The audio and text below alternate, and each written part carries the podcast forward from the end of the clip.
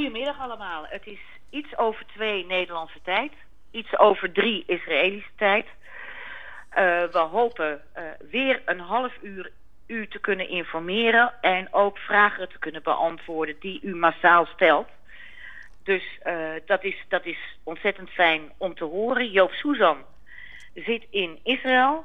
Dit is dus deel 5 van onze podcast alweer, Joop. Ja, Israël onder vuur. allereerst- Israël onder vuur. Kun je eerst even uitleggen eh, ja, hoe jij de nacht hebt doorgebracht afgelopen Ja, nou, gisteravond, ik was erg moe. Ik denk, weet je wat, ik ga om een uur of kwart over elf naar bed. Dan kan ik eventjes bijslapen tot een uur of zes. En wat gebeurde er? Om eh, even na twaalf ging eh, mijn telefoonalarm af. En eh, ja, dan ga ik kijken en dan zag ik tot en met Herzliya dat er een luchtalarm was. Wij zaten er net buiten, we zitten net een paar kilometer voorbij, Herzliya. En eh, ja, eh, probeer, ik heb dat afgezet en probeer te slapen, maar dan hoor je de dreunen constant van inslagen en van eh, raketten die in de lucht onschadelijk worden gemaakt. Dus een paar uur kwam, er niet, kwam ik niet tot slaap. Dus dat was weer een kort nachtje eigenlijk. Ja, dat, Ja. is- dat geldt voor velen op dit moment. Miljoenen. Ehm, ja, dat geldt ook voor natuurlijk de inwoners van Gaza. Ja, eh, die gisteren een enorme eh, toren zagen instorten. ja, En was de toren eh, met ook heel veel eh, antennes en radar erbovenop, want daar zit over het algemeen de internationale pers. Ja, dat is die eh, Ehm, mediatoren even- van, eh, van Gaza. precies. Ik doe even tussendoor Is huishoudelijke mededeling, Joop. Ja, Want ik merk dat onze lijn heel slecht is. ja, Eh, jij valt altijd af en toe weg. oké. En jou heeft dat een reden, hè? Dat heeft een reden. De reden is dat altijd als de IDF met, eh, ja, zeg maar, eh, met dit soort zaken bezig is, dus dat er een, sprake is van een oorlog, dan eh, is de, de, de druk op het internet erg groot. En dan heb je een, een wat zwakker internet, schijnt het af en toe. En ik merk dat ook bij mij af en toe aan verbindingen eh, via Skype of wat dan ook. Dan zit er af en toe eh, een, een technisch probleempje. En dat moeten we dan proberen ja, in de hand te houden, laat ik het zo zeggen. Normaal gesproken is Nou, het internet hier fantastisch, want ik heb fiber. Dus dat moet allemaal goed gaan. Maar de- er is wat. glasvezel. Ja, gla- glasvezel. Er is wat meer. eh, ja, de- er is heel veel vraag naar internet op het ogenblik. Oké, dus ik hoop dat onze luisteraars daar een beetje coulance eh, Ja, mee kunnen betrachten als het af en toe wegvalt. ja. Ehm, want, eh, want, dames en heren, deze podcast neemt Joop in Israël op en stuurt dat dan door naar ons, zodat we dat op de website kunnen zetten. Juist. Dus Joop doet alle technische zaken, want dat moet je mij niet laten doen. Oh. Oké, we gaan. we, gaan even, we gaan even terug naar eh, die, Die mediatoren, toren. ja. Eh, ja.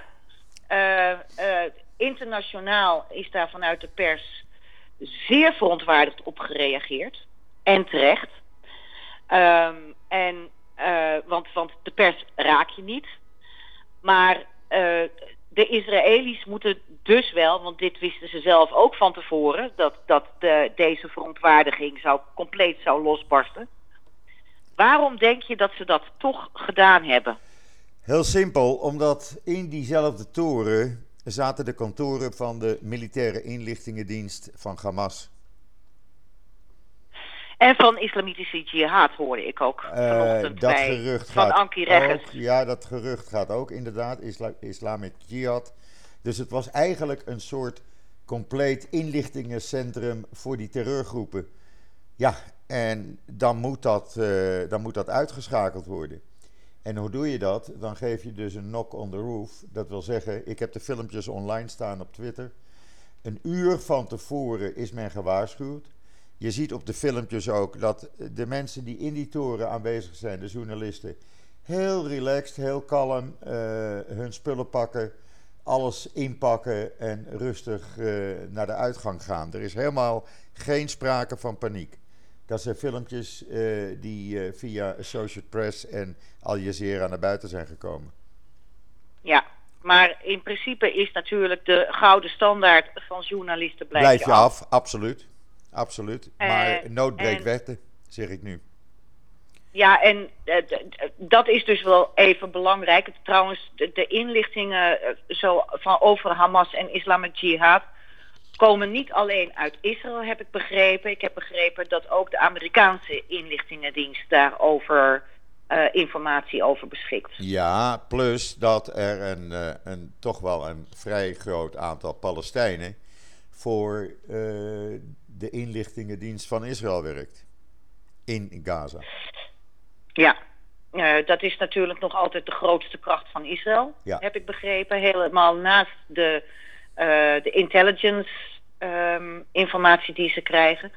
Dat ze vooral steunen op eh, informanten. Ja, ja. Want zonder informanten red je het niet. Nee. Dus dat is, dat is één ding. Eh, verder zijn er berichten over het Shiva Hospitaal. Daar zou het hoofdcentrum van Hamas zitten. Nou, onder de Ehm, grond, hè? eh, Onder de grond. Helemaal onder de grond, Ja. totaal gebooby-trapped. Ehm, want ze weten dat Israël het ziekenhuis niet gaat bombarderen. Ja. Omdat je dan ook mensen niet op tijd kunt evacueren, zoals dat nu bij dat persgebouw is Nee. gebeurd. Nee. Maar daar, daar, is, daar zijn een aantal eh, bijzondere bombardementen. Daar zijn ook beelden van eh, gepubliceerd. Wat, wat, wat is daar aan de hand? Nou, ze hebben vanmorgen, eind van de ochtend, de wegen, de toegangswegen naar dat ziekenhuis, hebben ze gebombardeerd. En nou zal dat niet zijn om die wegen eh, te blokkeren, maar meer is het vermoeden hier om de ondergrondse tunnels die naar dat commandocentrum onder dat ziekenhuis leiden, om die eh, eh, te vernielen.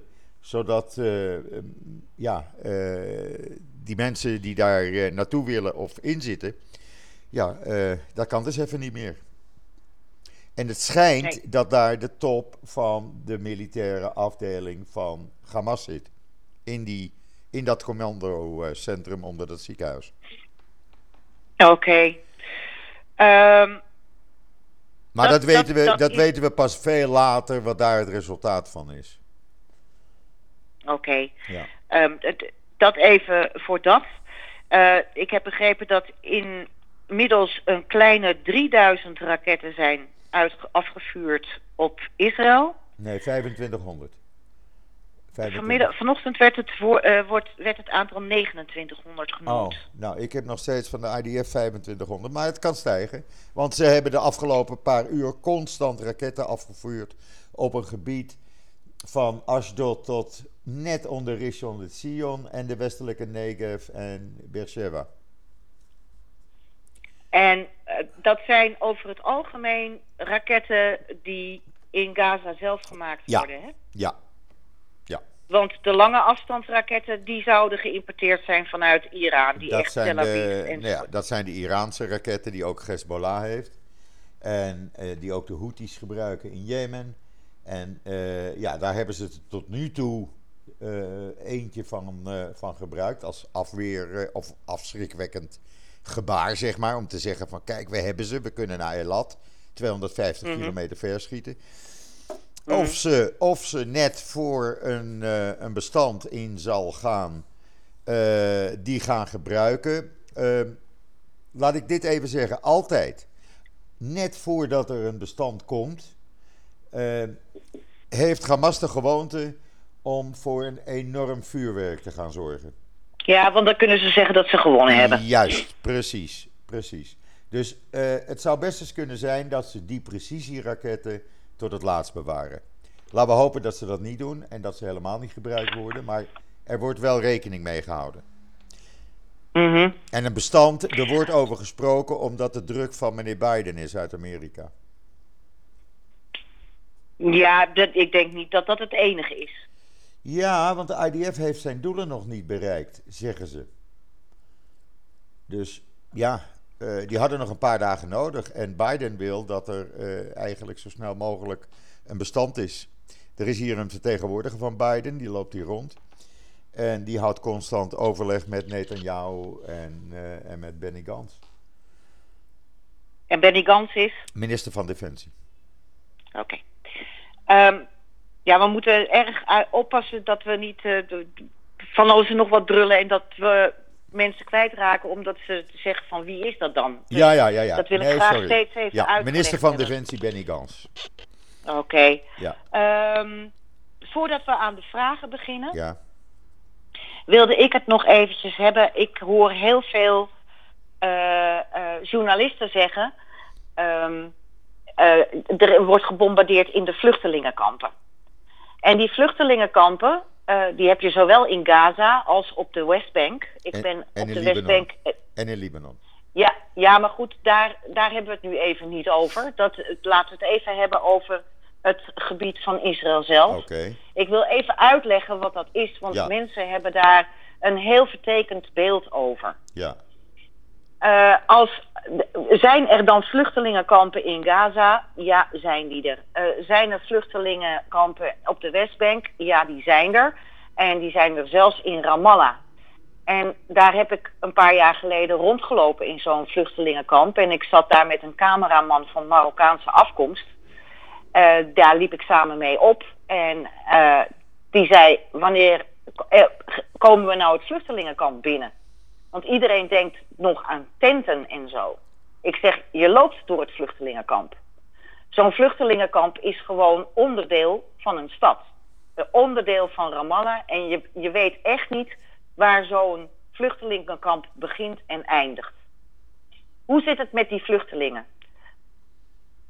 De UNRWA heeft destijds ingesteld, de VN heeft ingesteld, dat de Palestijnen die in 1948 zijn gevlucht uit Israël, dat die een vluchtelingenstatus krijgen. Die Palestijnen die zijn gevlucht naar onder meer Jordanië, Syrië, Libanon, de Westbank en Gaza. Uh, ook Egypte, ook verderop, maar laten we dit nu eventjes zo stellen. Ja. Dat houdt dat en, uh, en dat is uniek in de in internationaal oorlogsrecht. Ook de kinderen van de vluchtelingen en de kinderen van de kinderen van de vluchtelingen en de kinderen van de kinderen van de kinderen van de vluchtelingen worden bestempeld als vluchteling. Dat betekent dus dat als vandaag de dag een kind wordt geboren in Ramallah, dat volledig onder Palestijns beheer staat, dat die nog steeds recht heeft op een vluchtelingenstatus. Zo wordt het vluchtelingenprobleem van de Palestijnen niet kleiner na verloop van de uh, generaties, maar groter. Dus waar je in het begin een paar honderdduizend Palestijnse vluchtelingen uit de grenzen binnen uh, van voor 1967 had, zijn dat er nu 5 miljoen. En een groot deel daarvan woont dus ook op uh, Gaza en de Westbank. En die vluchtelingenstatus wordt in stand gehouden, zodat uh, uh, die, die hangen in wezen aan de tiet, zeg ik altijd maar, van de UNRWA. Die krijgen gelden, die, die overigens vrijwel nooit bij de mensen zelf terechtkomt, want dat verdwijnt in allerlei corrupte zakken. En zo wordt het Palestijnse vluchtelingenprobleem eerder groter dan kleiner. Omdat uh, een kind waar, ja, waarvan de overgrootouders uh, vluchteling was vanuit, nou noem op, Haifa. Dat nu gebeurd wordt in, geboren wordt in Ramallah. Die heeft dus recht van spreken omdat zijn overgrootouder ooit uit Haifa is gevlucht. En die vluchtelingenkampen, wil ik dus even duidelijk zeggen, die zijn totaal geïntegreerd in de andere demografie. De normale demografie van de stad. In Ramallah wonen ook Palestijnen die helemaal niet gevlucht zijn. Uh, die gewoon Palestijn zijn onder leiding van de Palestijnse autoriteit. In Gaza uh, is hetzelfde, maar ik wilde even dat begrip vluchtelingenkamp uitleggen, omdat een heleboel mensen dat waarschijnlijk niet uh, zullen begrijpen. Ja. Dus vandaar. Nou, dat heb je heel goed uitgelegd.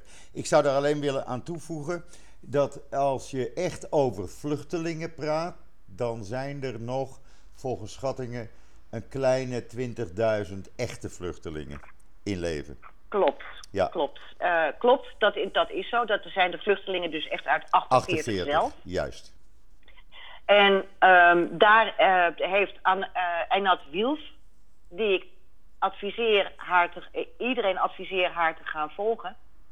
Einat Wiels is een, eh, een, een heel grote denker in Israël.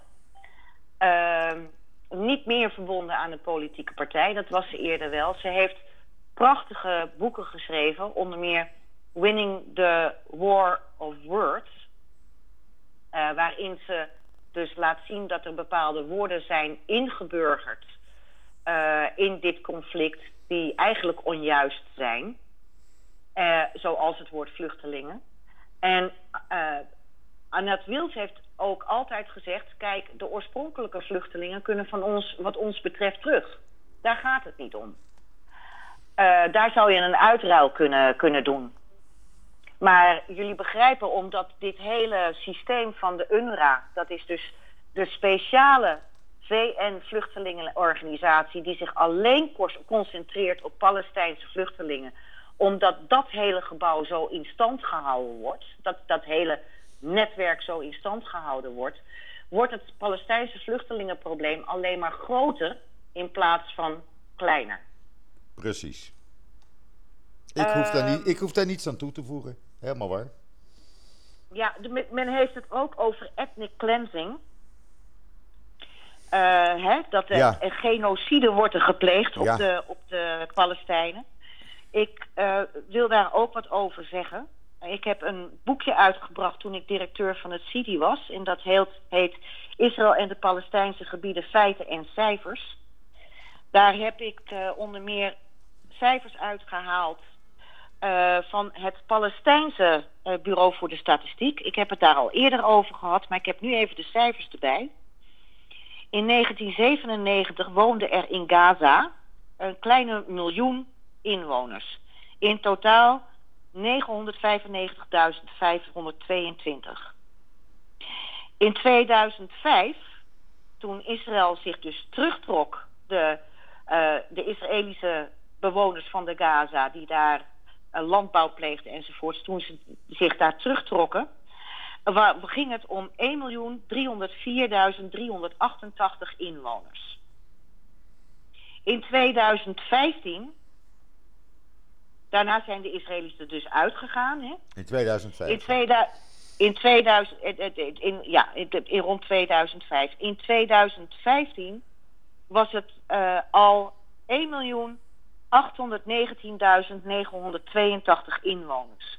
Dat zijn puur Arabische inwoners. Dat zijn puur Palestijnse inwoners. Ja. Daar zat natuurlijk al lang al geen Jood meer bij. Nee. Dus eh, die bevolkingsgroei in Gaza is enorm. De werkloosheid is in Gaza enorm. De, ook als je kijkt naar de demografische ehm, eh, cijfers van de leeftijden, dan zie je dat een enorm percentage van die inwoners jongeren onder de 25 zijn. Die groeien op zonder enige eh, kijk of blik of, of hoop voor de toekomst. Die zijn allemaal werkeloos.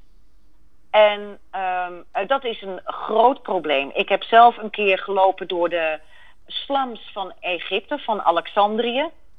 En die armoede daar is zo gigantisch enorm. Dat toen ik de muezin hoorde eh, brullen. En dat ik volledig begreep dat jongeren daar radicaliseerden. Want als het enige wat jou hoop biedt, het, het, het, het radicale moslimbroederschapgeloof is, terwijl je zelf opgroeit in een omgeving waar je, van je denkt van nou mijn leven is eigenlijk niets waard, laat ik dat opofferen aan eh, eh, een, een belofte voor na de dood en een belofte voor een betere toekomst voor mijn volk. Ik kon daar in die slums van Alexandrië me heel goed voorstellen dat eh, je toch een doel in het leven wil hebben.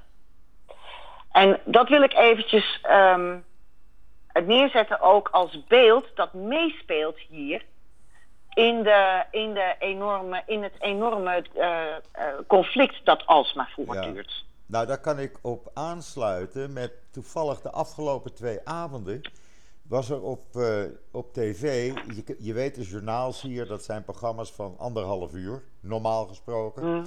Maar in deze mhm. tijd, als er dus een oorlogssituatie is, dan heb je geen andere programma's op de drie netten. Dan is het alleen maar nieuws, nieuws, nieuws. En er werden steeds meer, uh, uh, kwamen steeds meer commentatoren en experts op tv die zeggen: ja, als je dit goed wil oplossen in Gaza, dan moet je ze perspectief bieden. Dan moet je zorgen als land, als Israël, dat we de economie gaan verbeteren daar. Dat we zorgen Precies. dat die mensen een economische toekomst tegemoet gaan. En dat hoor je, dat geluid, dat wordt steeds groter nu hier uh, in Israël op televisie. En dat zou, naar mijn idee, best eens de sleutel tot een oplossing kunnen zijn van het conflict. Want op het moment dat mensen perspectief hebben, hebben ze niets meer te zoeken bij een terreurorganisatie. Ja, dat is, ik, ik denk dat dat een heel cruciaal punt is. Ja. Uh, je ziet dat trouwens ook op de Westbank. Ja. Uh, dus, dus, uh, en er zijn dus allerlei programma's ook voor die economische samenwerking. Dat wordt ook gestimuleerd bijvoorbeeld door de Nederlandse regering. Maar dat zijn druppeltjes op een gloeiende plaat. En de ellende is dat je heel vaak ziet dat dat soort projecten.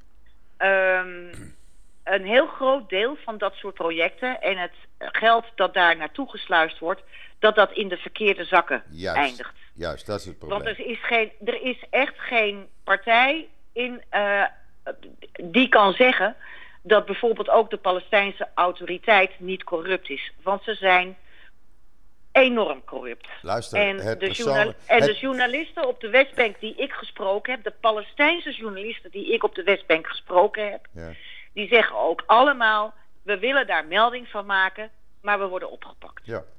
Nou, het vermogen bijvoorbeeld van meneer Hanei, de leider van Hamas, die dus vanuit Qatar veilig deze oorlog uh, uh, begeleidt, zeg maar.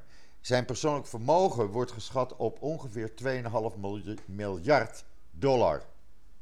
Ja, is dat Hanei of is dat Mashal? Nee, dat is meneer Hanei die in Qatar zit. Oké, want Marshall schat is het op 3,4 miljard. Ja, nee, Hanei ja. Eh, rond de 2,5 miljard dollar. Dus je kan nagaan waar dat hulpgeld dan naartoe nou is, gaat. Nou is, nou is Israël natuurlijk ook niet vreemd of uh, niet vrij van corruptie. Nee. Laten we wel zijn. Nee. Uh, Netanyahu die hangt een aantal uh, rechtszaken boven het hoofd vanwege die corruptie. En in Israël is bijvoorbeeld ook een voormalige premier, Ehud Olmert, veroordeeld voor corruptie en achter de tralies geëindigd. Die heeft een jaar in de lucht gezeten, ja.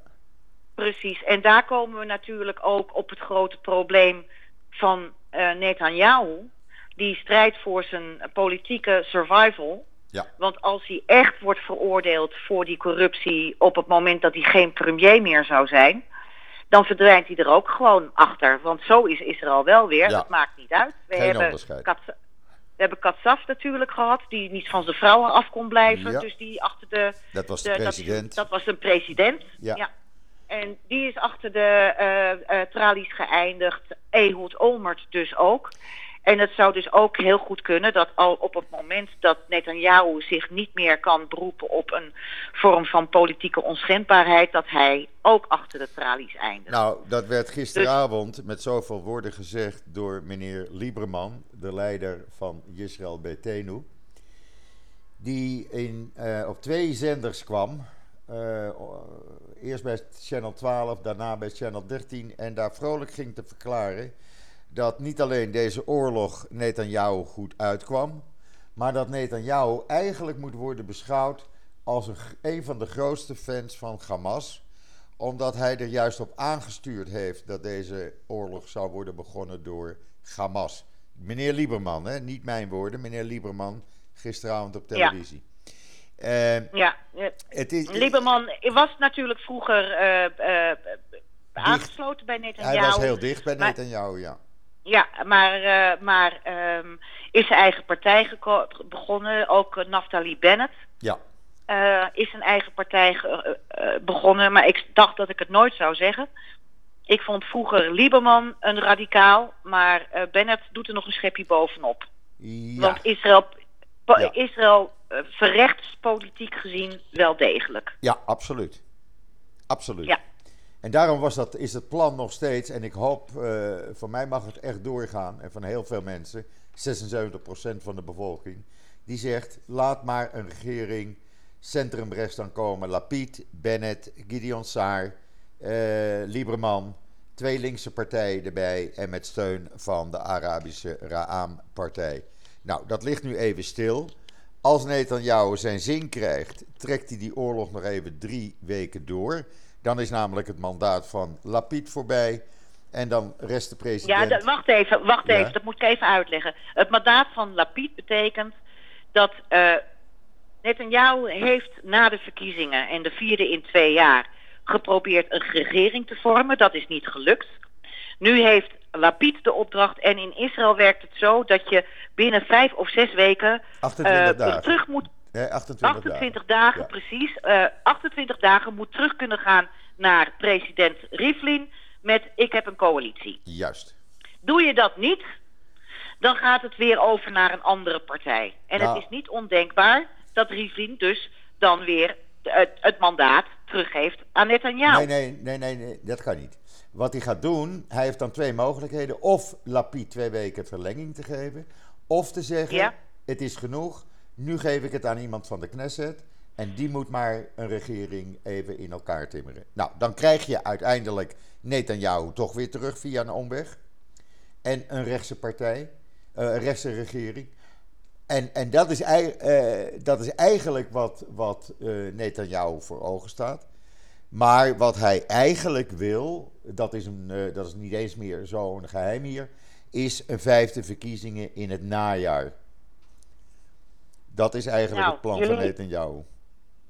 Vijf verkiezingen in twee jaar. Ja, dat nee, leuk. dat gaat niet gebeuren. Joop, Joop, zullen we naar de, naar de vragen gaan? Want eh, Ja, we ik- hebben heel veel vragen weer binnen. En we hebben nog maar weinig tijd. Ja, we hebben weer, we hebben, eh, ja, we hebben echt nog maar weinig tijd. Jeetje, mine, we... Goed, heel snel. Gaan we door, gaan we door. Ehm, eh, iemand vraagt wat de situ- Hajo Rijers vraagt wat de situatie is in Haifa op dit moment. Eh, gemengde stad waar zowel Joden als Arabieren wonen. Nou, jouw broer woont er ook. Ja, Heb jij eh, eh, informatie over, het, op- over de rellen op dit moment in Haifa? nou, de rellen zijn gelukkig aan het afzwakken. En dat is eigenlijk gekomen door de extra inzet van 9000 eh eh border police agenten. Dus de grenspolitie, zeg maar.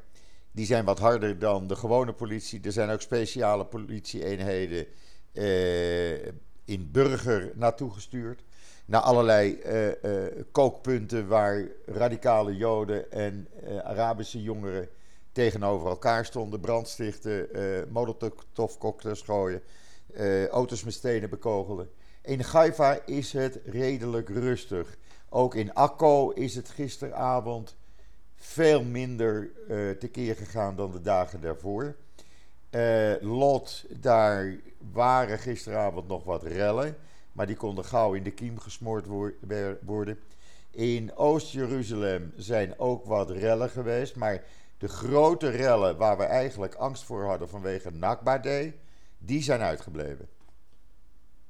Heel goed. Ik hoop dat dit. eh, Ik ga even op naar de volgende vraag. Ja, Ehm, wanneer is het gewenste veiligheidsniveau weer, weer acceptabel met nog 8000 Hamas-raketten te gaan voor het, eh, voor, het, eh, voor het Israëlisch kabinet?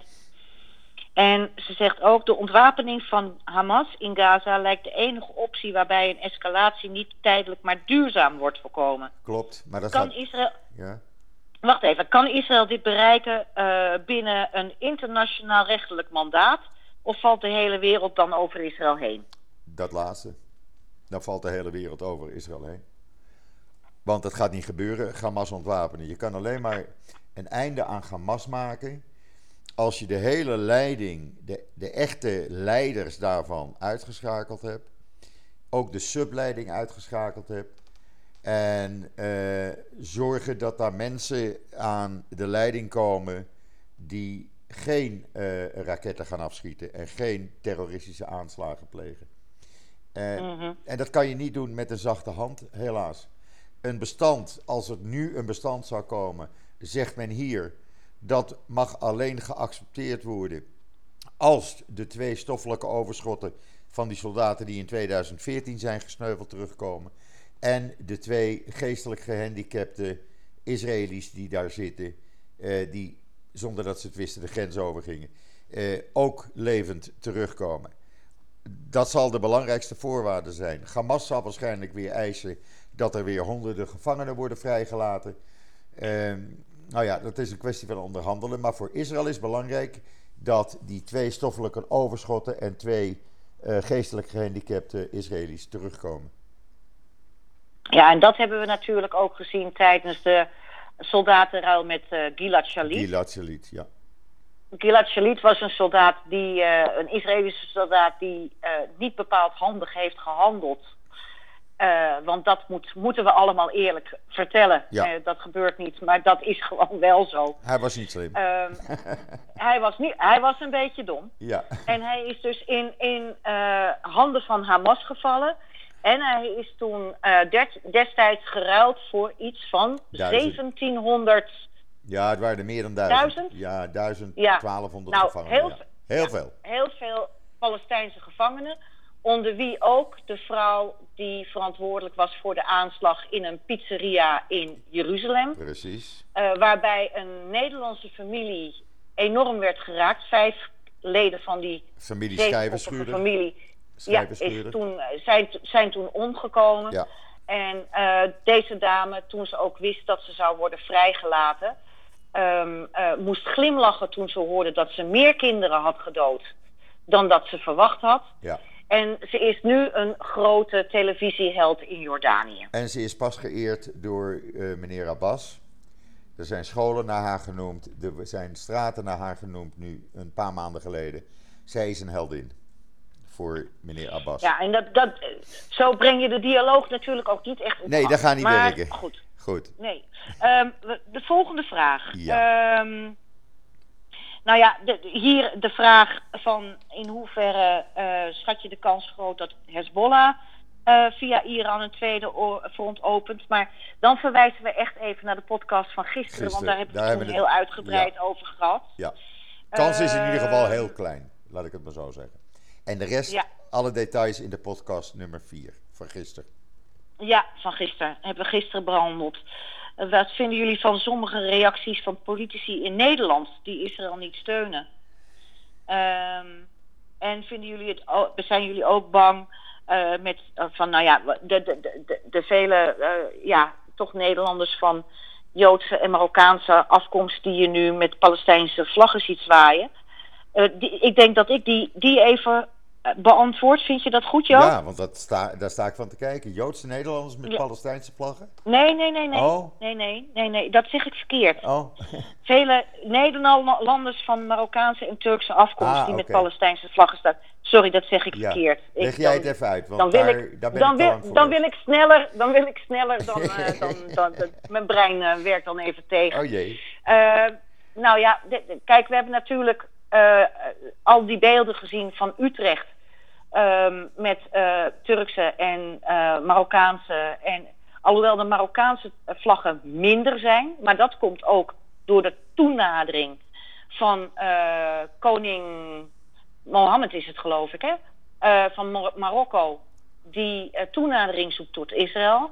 Je, wat je hier op dit moment in Nederland heel erg ziet, zijn veel Turkse vlaggen bij die demonstraties. Dat zien we sinds 2014. Maar nu ook met de ophitsende taal van Erdogan. ehm, eh, zie je die, is, dat een, is dat een enorme groep geworden. En je ziet nu ook, eh, dat zagen we ook bijvoorbeeld in Den Haag, eh, Syrische vlaggen. Dus dat zijn demonstranten die hier binnengekomen zijn als Syrische vluchteling. Dus redelijk kort geleden. Hè? Die zijn niet als economische eh, im- immigrant binnengekomen, maar als, ehm, eh, als politieke, eh, eh, echt vluchteling oh, en ook echt vluchtelingenstatus. Vanwege natuurlijk wat er in Syrië losging. Uh, ik moet je zeggen, ik heb hier uh, contact met een aantal Syrische vluchtelingen die fantastisch zijn. Die ook zien hoe zij uh, door het, be, door het nou, hoe noem je dat? beleid van Assad zijn geïndoctrineerd om Joden te haten. Ja. Die, want laten we wel zijn, in Syrië is het hele schoolcurriculum ten opzichte van geschiedenis en zo, helemaal geënt op Hitler-Duitsland. Ja. Daar hebben wij ook bewijs van en daar heeft Ruben Giesler, een Arabist, destijds ook een groot essay over in het NIW geschreven. Okay. Een heleboel van die Syrische vluchtelingen die komen hier nu binnen en die zien hoe ze zand in de ogen is gestrooid. Maar een heleboel andere Syrische vluchtelingen, die, die komen nog steeds met dat uh, archaïsche beeld van Joden enzovoorts binnen. En die lopen dus mee. En dat zijn ook vooral jongeren. Ja, ja. Dus, uh, dus dat is wat er op dit moment gebeurt. En natuurlijk, uh, als Partij van de Arbeid en GroenLinks en SP alleen maar zeggen: we moeten Israël veroordelen. Ja, dan, dan, dan voelt iedereen zich daarin gesterkt. Ja, dat, dat werkt ook niet. Als je men, als politiek... voelt zich, men voelt zich gesterkt. Ja, als je als politieke partij dit, dit soort uitspraken doet. Ik zag ze ook langskomen uh, van Jesse Klaver. Ja, sorry, dat werkt niet. Dan ben je gewoon fan Nee. van Hamas. Klaar, als politiek, politicus. Nou, maar dat is, dat is mijn grote probleem ook. Wij kijken hier met onze uh, westerse, verlichte, roze bril naar de wereld in Europa. ja, Hè? We, we hebben al uh, jaren geen oorlog meer gehad. En we weten allemaal, je moet uh, met je vijand proberen te pra praten en de hand schudden, enzovoorts, enzovoorts. En heel veel mensen, ook Nederlanders die nu op de Dam staan te protesteren voor de Palestijnen en tegen Israël, begrijpen niet dat in het Midden-Oosten een totaal andere mentaliteit heerst. Uh, wat dat er gaat, sta, sta, hinkt Israël ook op twee benen. Het wil graag een westers land zijn, maar het heeft te maken met een omgeving waarin een totaal andere mentaliteit heerst. En als je ziet hoe Arabieren elkaar onder elkaar alleen al afmaken. Precies, we zien dat hier uh, met de clans. Uh, precies, en, en je, maar je ziet het ook tussen bijvoorbeeld Iran, ja, ja. wat geen Arabisch land is, ja, en Irak. Ja, ja. Weet je, uh, daar in deze regio me maken mensen zich vanuit een soort tribal uh, uh, identiteit elkaar al af. Ja. En wat je dan ziet, de enige manier om deze regio te verenigen is om simpele groepsdynamica, een superordinate goal, een gemeenschappelijke vijand ja. te vinden. En die wordt gevonden in Israël. Ja. En, uh, en dat is iets wat we niet moeten onderschatten. Dat dat soort groepsprocessen wel degelijk meewerkt. En dat we dat soort groepsprocessen nu ook hier importeren in Nederland. Dat is gewoon een feit. Ja. Oké. Okay. Um, hoeveel, mensen, hoeveel, mensen, zijn, hoeveel mensen staan er te demonstreren? Of weet je dat niet nu? Ik heb nog geen flauw idee. Aha. Ik heb nog geen flauw idee. Okay. Ik moet dat nog helemaal... Even kijken, had jij nog een vraag die we moesten beantwoorden? Nee, er zijn er heb, meer, maar... Ik heb alle vragen naar we zijn alweer veel te laat. Ik ja. heb ze allemaal naar jou toegestuurd. Ja, hier zo ook Priscilla. Moet je horen, die vraagt dus hoe komt het dat de publieke opinie in 20 jaar tijd zo is gedraaid van pro-Israël naar pro-Palestijnen? Zullen we die bewaren voor morgen? Nou, daar heb ik een heel simpel antwoord op. Uh, uh, in een tijd waarin de Palestijnen de hele publieke opinie naar zich toe wisten te krijgen, heeft Israël, en dat is eigenlijk vanaf het ontstaan van de staat Israël zo geweest, de PR van de staat Israël is nooit goed geweest. Het zijn altijd individuen zoals jij en ik en andere podcasters die uh, proberen een beetje positieve PR voor de staat Israël uh, te maken en de dingen te verklaren zoals ze werkelijk zijn. En de staat Israël heeft daar altijd moeite mee gehad. Hoe dat kan, niemand begrijpt het, maar ook nu zie je dat weer gebeuren tijdens deze oorlog. Ja, Um, uh, daar, ik denk dat we daar morgen nog een keer op Morgen gaan we komen, daar dieper op in, ja. Daar is, daar, er is meer over te zeggen. Er is meer over uh, te zeggen. Uh, ik, ik heb hier nog een vraag. Um, zouden jullie vanmiddag willen beantwoorden... is er een idee hoeveel leden van Hamas zich in Gaza bevinden... en hoeveel er tot nu toe zijn geëlimineerd... merk je dat de kracht van Hamas is afgenomen... na de gerichte aanvallen van de IDF. Nou, om met het laatste te beginnen, dat merk je wel enigszins. Het zijn nu meer, uh, ja, het is niet meer een hele dag constant raketten naar Israël schieten. Het zijn uh, uh, momenten waarop er een hele grote barrage komt. Van 50, zoals afgelopen nacht, 55 raketten in één keer. en dat, dat, het is inderdaad verminderd nadat die tunnels, die met, dat metrocomplex in Noord-Gaza is vernietigd. Uh, hoeveel leden er van Hamas zijn, dat weet niemand. En hoeveel er zijn omgekomen, weet ook niemand. De schattingen, ja, je kan schatten je met uh, natte vingerwerk, want het is niet bekend, die cijfers. Het zijn nee, altijd in schattingen. Dat kader, ja. In dat kader wil ik het dus ook nog even hebben. Oh, oh dat heb ik gezegd natuurlijk, hè. Dat er iets van 500 raketten van Hamas zijn neergekomen ja, in Gaza zelf. Waarbij dus ja. ook veel uh, Palestijnen zijn omgekomen. Zoals gisteren een voorbeeld, ze wilden uh, twee Palestijnen of twee lanceerders van Hamas, die wilden een drone met explosieven lanceren. Dat ging verkeerd, de drone viel op de lanceerplaats en zij kwamen om het leven. En die twee doden worden ja. dan aan Israël toegeschreven door Hamas. Ja, er was ook een familie van drie waarbij dat ook gebeurd is. Ja. Um, en um, uh, dat moeten we dus wel goed even in de gaten houden. Laat onverlet dat aan Gaza-zijde gewoon meer doden vallen. Zeker weten. Dan uh, slachtoffer vallen dan, uh, dan, dan in Israël. Ja. en iedere burgerdode is er gewoon één te veel. Ja, Laten maar we het daar gewoon. Dan wijs ik iedereen erop. Kijk even dat filmpje op mijn timeline. Daar zie je eh, met Engelse ondertitels. Er is een aanval gaande van uh, de luchtmacht, Israëlische luchtmacht. Die piloot zegt: Ik zie kinderen lopen. Er wordt hem gevraagd: Ben je daar zeker van? Ja, zegt hij: Ik zie ze lopen. Aanval wordt afgeblazen. Want dat gebeurt dus ook bij de IDF. Nou ja, ik denk dat iedereen die de beelden ziet, uh, ook bijvoorbeeld van de manier waarop die toren gisteren is neergehaald. Die toren van Al Jazeera en AP. Laten we wel zijn, alles eromheen stond nog gewoon. Ja, het was alleen de hier, toren. Hier in, hier in Nederland hebben we een, uh, een, ergens op een, een, een televisiekanaal een programma over wat er allemaal niet kan misgaan met het neerhalen van grote gebouwen. En daar gaat heel vaak heel veel mis. Uh, en komen ook, dat is gewoon in de burger maatschappijen. Ja. Vallen gebouwen tijdens een explosie op andere gebouwen enzovoorts. Um, de, preci de precisie waarmee is. Uh, en er was gisteren ook twee in een gebouw, twee appartementen. Die werden gebombardeerd in een woontoren Ja. waarin Hamas zich bevond. Die, uitgerekend die appartementen zijn, uh, nou ja, vernietigd. Ja, De, de woontoren en alles eromheen bleef gewoon staan. ja. Ehm, ik wil daar helemaal niet met trots op reageren. Maar ik, ik wil wel zeggen dat de precisie waarmee eh, het Israëlische leger dit probeert te doen.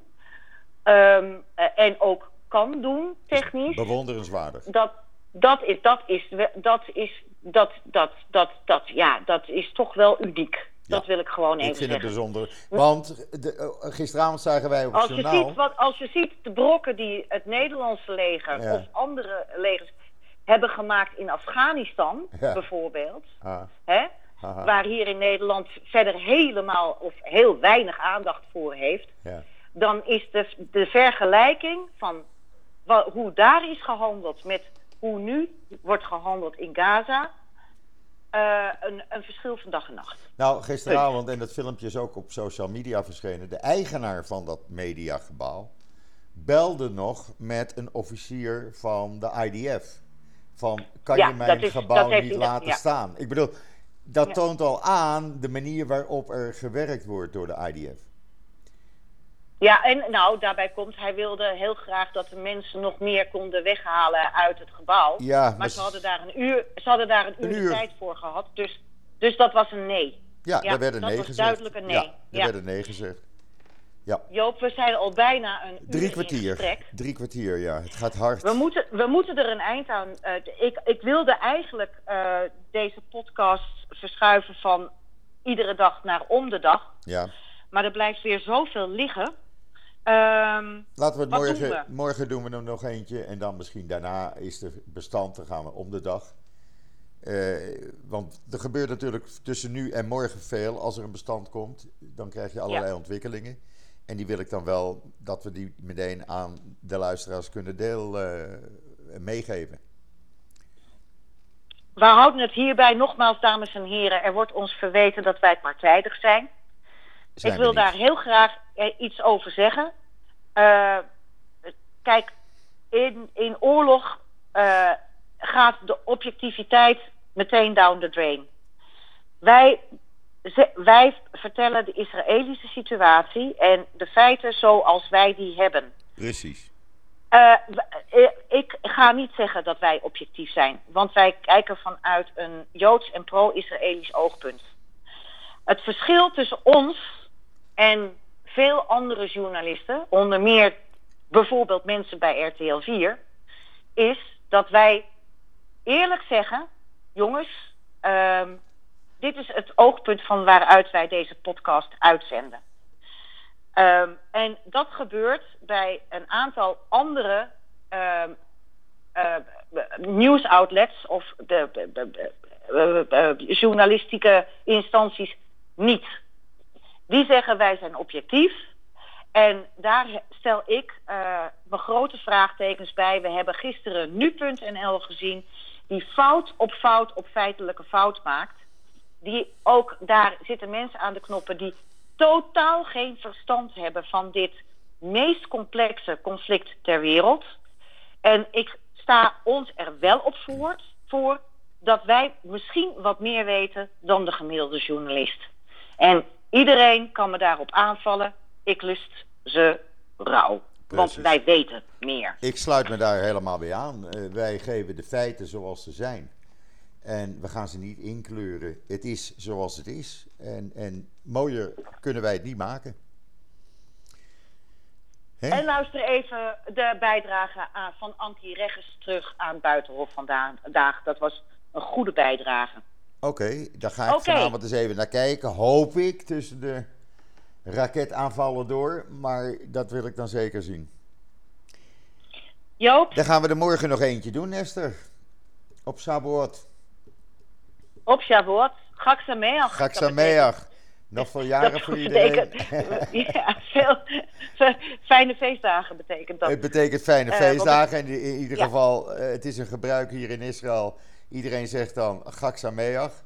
Eh, ja, ik weet al geen ander woord meer. Dus voor mij is het gewoon naar iedereen Gak Sameach. En we zijn er eh, morgen weer rond deze tijd. Oké man, Ik We spreek je. spreken. We spreken elkaar.